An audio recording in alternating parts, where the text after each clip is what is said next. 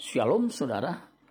Renungan hari ini berjudul kesetiaan yang teruji. Filipi 2 ayat 19 sampai 22. Tetapi dalam Tuhan Yesus kuharap segera mengirimkan Timotius kepadamu supaya tenang juga hatiku oleh kabar tentang hal ihwalmu.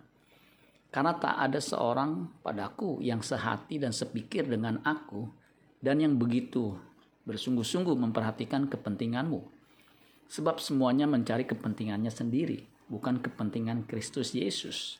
Kamu tahu bahwa kesetiaannya telah teruji dan bahwa ia telah menolong aku dalam pelayanan. Injil sama seperti seorang anak menolong bapaknya.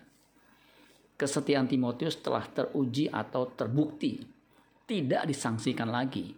Ibarat emas yang teruji hingga mencapai 24 karat, tidak perlu ditambah atau dikurangi emas murni sudah tidak ada lagi campuran unsur atau elemen lain. Orang yang punya kesediaan, kesetiaan yang teruji akan menjadi berkat bagi banyak orang. Orang yang demikian akan dikaruniakan mahkota kehidupan. Wahyu 2 ayat 10. Jangan takut terhadap apa yang harus engkau derita.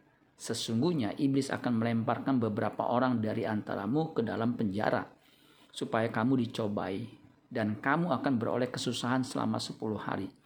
Hendaklah engkau setia sampai mati. Dan aku akan mengaruniakan kepadamu mahkota kehidupan. Amin buat firman Tuhan. Tuhan Yesus memberkati. Sola Gracia.